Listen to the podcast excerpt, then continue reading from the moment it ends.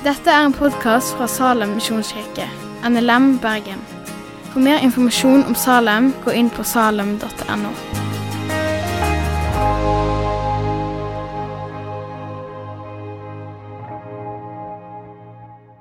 Sånn som Mathias sa, så skal vi starte i Salem. Eh, en taleserie i vår der vi skal gå gjennom første korinterbrev. Og vi har ikke sjans på talerstolen og gå gjennom alt det som skal gås gjennom i, når en ser på første korinterbrev. Så vi har laga samtaleopplegg til smågruppene, eller som du kan bruke sjøl til ditt eget studie, eh, som ligger tilgjengelig på salem.no. Eh, der kan du finne tak i det. Så kan du arbeide med første Korinterbrev i smågruppa di, du kan arbeide med det sjøl, og du kan høre taler på gudstjenesten eller på vår podkast. Så håper vi at første Korinterbrev kan få gi oss noe som er eh, å leve på i løpet av våren. Og nå, denne første talen her, så er mitt mål å gi en kort introduksjon til brevet. Og det største målet er egentlig at du skal få kjenne at ok, nå forstår jeg litt mer av situasjonen som brevet er skrevet inn i, og kanskje kan du forstå mer av teksten sjøl når du leser den. Det er et stort mål at du skal få lyst til å lese brevet. Og Så skal vi begynne litt på de første versene. Vi skal starte med å be sammen. Herre Far, ditt ord er sannhet. Må du hellige oss i, ditt, eh, i din sannhet, Jesus. La dette få være ord til å leve på og ord til å dø på, Herre Far. Amen. Korint var en stor og viktig by i Hellas. Det var hovedstaden i en provins eh, som var styrt av en prokonsul som het Junius Gallos. Jeg vet ikke hvem det er, Men broren hans var Seneca. For de som studerer filosofi, eller så kjent med filosofi, så er det kanskje kjent med filosofen Seneca. Bare for å vise at dette var en viktig by med viktige folk. Så var det en havneby som lå på en plass der fastlandet eh, møter halvøya Peloponnes. og På det smaleste lå Korint og hadde to havnebyer. Og Der kunne de ta båtene sine opp på land og bære cargoen og båtene, de små båtene over land og slippe den lange og farlige veien rundt halvøya. Men det gjorde at dette ble en sånn smeltedigel av kultur. Det var mange som slo seg ned der pga. handel. Og det var kultur, språk og religion. Det var et sånn, Korint var en plass der du kunne gjøre omtrent hva du ville, og ingen ville reagere. Byen var fullt av templer for romerske og greske guder. Massevis av tempel. Og Tilbedelsen av disse avgudene de var tett integrert med politikken, med kulturen, og med handel og det sosiale livet. Det verste eksempelet er kanskje Afrodites tempel. Geografen Strabo, en romersk geograf, at, skriver at i forbindelse med det tempelet fantes det 1000 tempelprostituerte. Altså Tilbedelsen gikk ut på å ha sex med disse prostituerte. Og Det var et uttrykk i antikken som, som ble skapt som et grunnlag av dette. Og, og det var å leve korintisk. Det handla om å leve i umoral og utskeielse. Underholdningen i byen, det som var satt høyest, det var retorikere. Filosofer som reiste rundt og som forsynte det som klødde i ørene på folk. De fortalte om hvordan kan du klatre på den sosiale stigen. Og Det var viktig å følge den filosofen eller retorikeren som var best til å tale, som la fram det beste logiske argumentet. Og Som en, års, som en eh, frukt av det så var det å klatre sosialt på den sosiale stigen det var en av de store verdiene i samfunnet. Du måtte skaffe deg de rette kontaktene, du måtte dra i de rette trådene, klø de rette ryggene, dra motstanderne ned i søla og du måtte gjøre det som krevdes for å skaffe deg sjøl et navn. Noe av det som ble sett på som selve målet med livet. Rikdom var et mål, for så å distribuere den rikdommen på en sånn måte som gjør at du fikk ære. At du kunne kjøpe deg sjøl et navn. Det var viktig i Korint. Til denne byen så kom altså Paulus på sin andre misjonsreise. Du kan lese om det i apostelgjerningene 18. Veldig spennende. Og Han forsynte inn i en synagoge i den jødiske synagogen som sa vi vil ikke ha noen ting med dette å gjøre. Så de, eh, Han rista støvet av sandalene og så begynte han å forsyne en ny plass, frimodig nok i nabohuset til synagogen. Der fikk han mange samtaler med mange folk. Og ironisk nok kanskje så ble synagogeforstanderen Krispus kom til tro. Han ble kristen med hele sin familie og med mange andre i Korint. Og Paulus var der i ett og et halvt år i Korint. Og det ble starta en menighet med nyomvendte kristne. En kameleon har en gudgitt gave. Det er å endre farge etter omstendighetene og blende inn i miljøet. Men disipler av Jesus, kristne, skal være nye skapninger. Født ovenfra, forvandla av Den hellige ånd innenfra. De skal ha verdier og en livsførsel som konfronterer verden, og som krasjer med det som er kanskje den aksepterte moralen. Etterfølgere av Jesus skal ikke være kameleoner som blender inn. Men det sleit menigheten i Korint med å balansere litt. De kristne i Korint var omgitt av korrupsjon og av synd. Og de kjente på presset etter å bare bli en del av samfunnet. Hvordan kunne de som kristne leve blant avgudsdyrkelse? Hvordan kunne de leve i et seksualisert samfunn? Hvordan skulle de bruke nådegaven de hadde fått, på en, på en god måte, som ikke hevde seg sjøl, men hjalp å løfte opp andre? Hvordan skulle de legge ned sine egne liv, sånn som Jesus gjorde for dem? Midt i en kultur som var opptatt med å nettopp heve opp seg sjøl og klatre på den sosiale stigen. Gjerne på kostnad av andre. For noen så var kirka bare enda en arena der du kunne klatre. Der du kunne skaffe deg et navn. Og menigheten trengte hjelp til å vite hvordan skal vi være annerledes. Hvordan skal vi være lys, hvordan skal vi være salt, og, og hvorfor skal vi være det? Troen til de kristne ble prøvd i denne smeltedigelen i Korint. Og noen besto ikke testen. Og Paulus skriver et brev til dem for å svare på noen av de spørsmålene som de har stilt til han, og for å veilede dem og for å helbrede splittelse i menigheten. En sånn kuriositet det er at første korinterbrev det er ikke det første brevet Paulus skriver til menigheten i Korint. Hvis vi løser nøye de to brevene vi har i vår, vårt Nytestamente, og, og følger tidslinja til Paulus og hans medarbeidere, så kan vi plassere første Korinterbrev i en serie med korrespondanse som Paulus eh, har med Korint. Han får høre rapporter, han får spørsmål, han sender brev, og han sender sine medarbeidere for støtte. Og Til sammen så skriver han fire brev. Og første Korinterbrev er sannsynligvis det andre av disse. Men det er konflikter og det er vanskelige arbeidsforhold til Paulus i denne menigheten. Så alt var egentlig ikke sånn veldig bra nødvendigvis i de første menighetene. De òg trengte ledere som korrigerte dem. Og så trengte de å korrigere lederne av og til. Og Sånn sett er første og andre korinterbrev to verdifulle brev for oss. Der første korinterbrev sier noe om hvordan skal en kristen leve i menigheten. Og andre korinterbrev sier noe om hvordan skal lederen leve blant flokken. Bakgrunnen for det brevet vi skal se på, første korinterbrev, det er at Paulus har hørt en muntlig rapport om situasjonen i menigheten i Korint.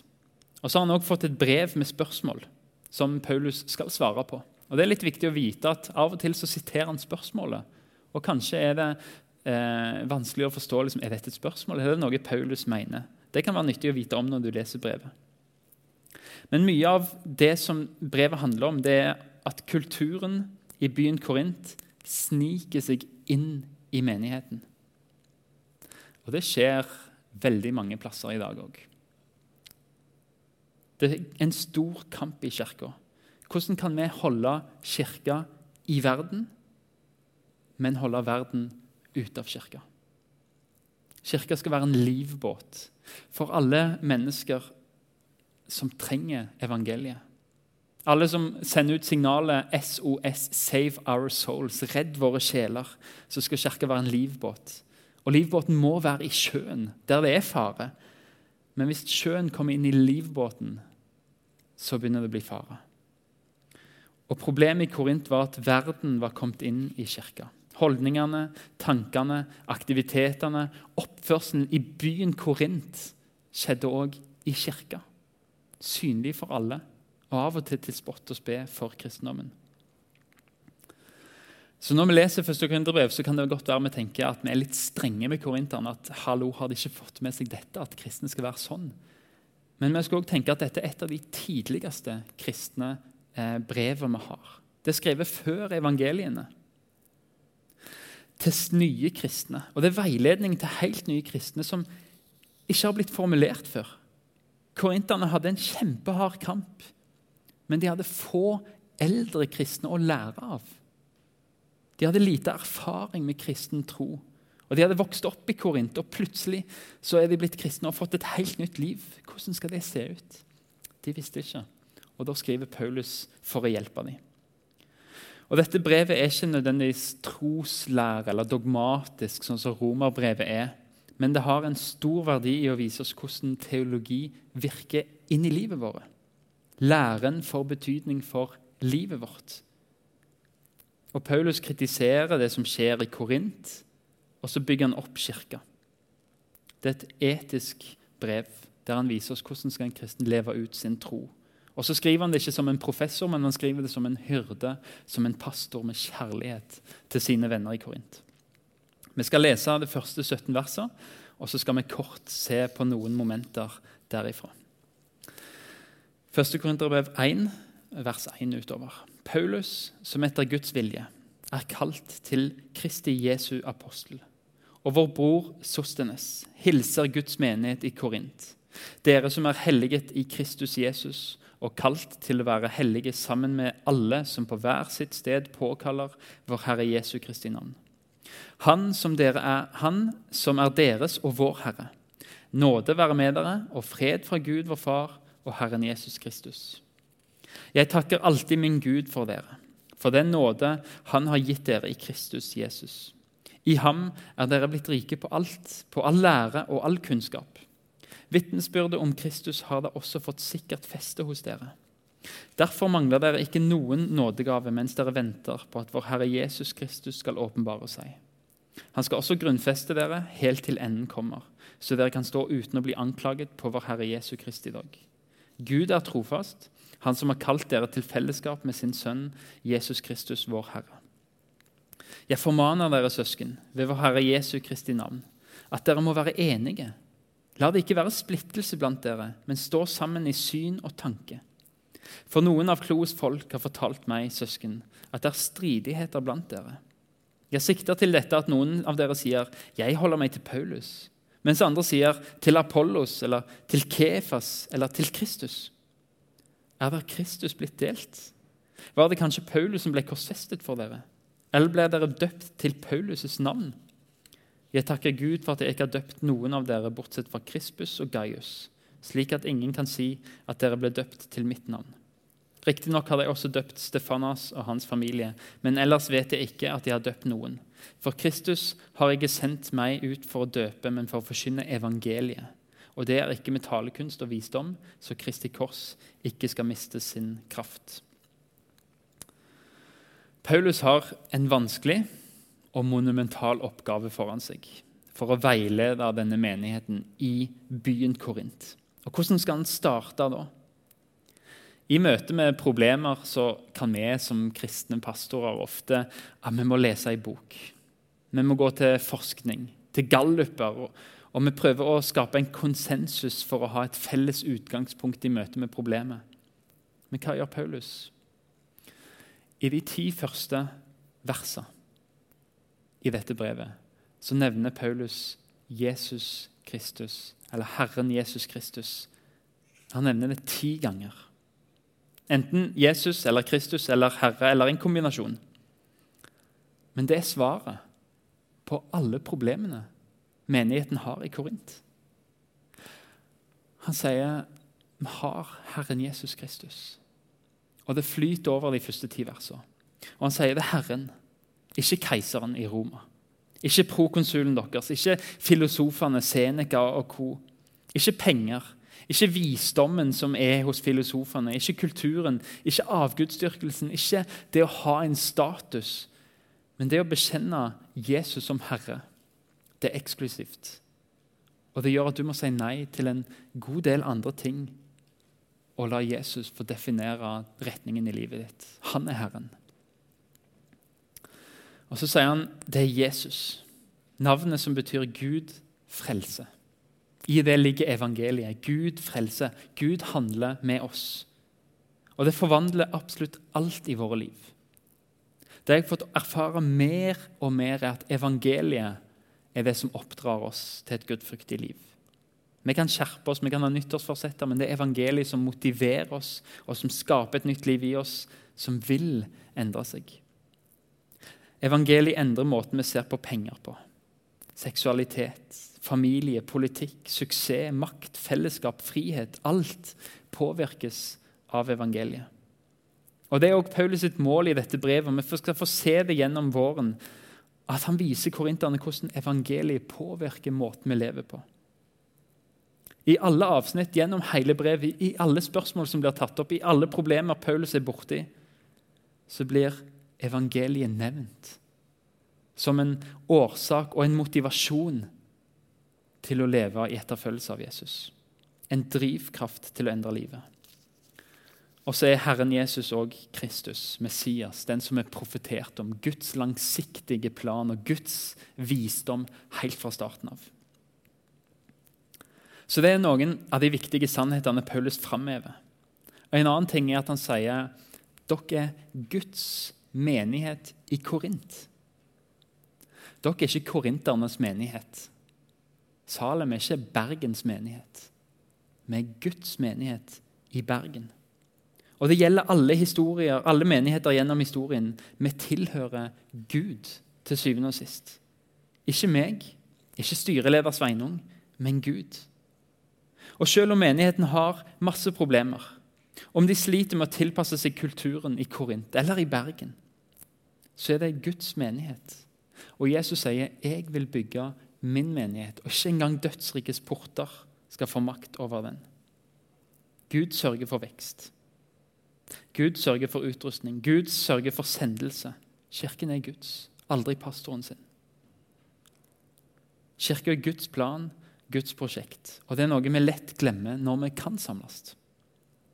Vi ser så skrøpelige ut, og vi ser hverandres feil. Men fellesskapet du tilhører, det er Guds kirke. Og han har sagt at ikke engang dødsrikes porter skal få makt over kirka. Og vi må nok tenke høyere om vårt fellesskap enn det vi kanskje er vant til å gjøre. Vi er Guds folk, og som er plassert i Bergen eller Korint, eller hvor det enn er. Plassert for å være salt, for å være lys, med Guds kall og Guds utrustning. Og vi har et potensial til å bety store ting for mennesker i Bergen. Ikke fordi jeg er pastor, men fordi vi er Guds menighet. Og vi gleder oss over uttrykk som Guds kraft. Og vi kan se for oss hva det kan bety. Guds allmakt og Guds skapermakt. Det skaper forventning hos oss. Det minner oss om at det fins en Gud som er stor, som har kraft og makt. Og på samme måte så burde Guds menighet skape en forventning i deg om hva som kan skje når vi som er samla om evangeliet, får lov til å bruke den utrustningen Gud har gitt oss for å bygge opp hverandre og for å nå ut med evangeliet. Og så er Kirka hellige. Hellige i Kristus Jesus. Grammatikken i dette uttrykket forteller oss om at det er noe som har skjedd i fortida, på Golgata, men som ikke har mista sin kraft. Grammatikken viser oss at vi ble hellige når Jesus frelste oss og det har ikke mista sin kraft i dag. I det ligger det at mennesker kan bli frelst og kan bli hellige i troen på Jesus. Rettferdige. Og Det er vår store frimodighet at i himmelen så er vi rettferdige. Vi er Guds barn. Vi er hellige. Og den hendelsen, at vi begynte å tro og ble hellige, den får påvirke våre liv her nede på jord. I vår vandring mot evigheten. Og Målet vårt er å bli mer og mer lik på det vi allerede er i Jesus Kristus. I troen på Han, hellige og rettferdige. Derfor skriver Paulus videre at vi er hellige, men vi er også kalt til å være hellige. Vi er hellige og kalles til å leve det ut. Og Det er paradokset i kristenlivet. Og Mye av første Korinterbrev handler om nettopp dette. Hvordan vi er hellige i troen, i det Jesus har gjort for oss, og hvordan vi kan leve det ut i livet før vi kommer til himmelen. Og Så avslutter Paulus innledningen med å gå inn i en bønn som forteller oss mye som kan være til trøst, òg for den tida vi lever i nå. For Paulus ber en bønn, en takkebønn, som du òg skal få lov til å be over ditt liv. Og du skal få ha disposisjonen som han har, nemlig tid, fortid, nåtid og fremtid. Paulus takker for fortida. Takk for den nåde som er gitt dere. Den gjør deg rik på alt, på læren og på kunnskap. Nåden gir oss rik på lære og kunnskap. Det var talegaver. Der korinterne som hadde fått nåde i framtida, det gjorde at de, de, ville fortelle. Det er akkurat som en nybakt far som bare venter på at noen må spørre meg om hvordan fødselen var, hvordan barnet er. Det renner over. Takk for nåden som er gitt oss, som gir oss et vitnesbyrd å gå med. Takk for nåtida. Vi mangler ingen nådegave mens vi venter på at Jesus Kristus skal åpenbare seg. Vi har alt vi trenger for å tjene Gud her og nå. Først og fremst fordi vi har nåden og Den hellige ånd. Takk for at vi har alt nå, Jesus. Og så er det òg det tredje litt underlige, men som kristne så kan vi takke for fremtida vår. Gud gir oss ikke bare alt her og nå, men han skal òg grunnfeste oss helt til enden kommer. Sånn at vi, sånn at vi som er frelst av nåde, av den samme nåden òg, skal stå helt uskyldige i dommen. Vi skal bli sett på som perfekte i Jesus. Og Paulus konkluderer. Hva er amen? Hva er konklusjonen etter en sånn bønn? Gud, du er trofast. Du som har kalt oss til fellesskap med din sønn Jesus Kristus, vår Herre. Disse sannhetene virker det som om korinterne har glemt. Og Kanskje trodde de sannhetene, men de visste ikke hvordan skal vi leve de ut. Og Gjennom hele brevet skal vi se hvordan Paulus veileder de til et liv i troen på Jesus. Et liv som er krusiformt, som ligner på det livet Jesus levde. Der vi ikke søker å bygge oss sjøl opp, men søker andres beste og bygger de opp fordi vi har erfart en frelser som gjorde det med oss skal vi be. Herre Far, takk for at uh, du er Herre, du er Jesus, og du er Kristus. Og du har frelst oss, du holder oss oppe med din tro, og du skal sørge for at vi er hellige og rettferdige i dommen. La det få være et utgangspunkt for våre liv, der vi kan gå ut blant venner og familie og kollegaer og leve med den tryggheten leve under skjoldet at du er trofast, du som har kalt oss til fellesskap. I ditt navn, Herre. Amen. Takk for at du har hørt på podkasten fra Salem, Bergen. I Salem vil vi vinne, bevare, utruste og sende, til Guds ære. Vi ønsker å se mennesker finne fellesskap, møte Jesus og bli disippelgjort her i Bergen og i resten av verden. Vil du vite mer om oss, gå inn på salem.no.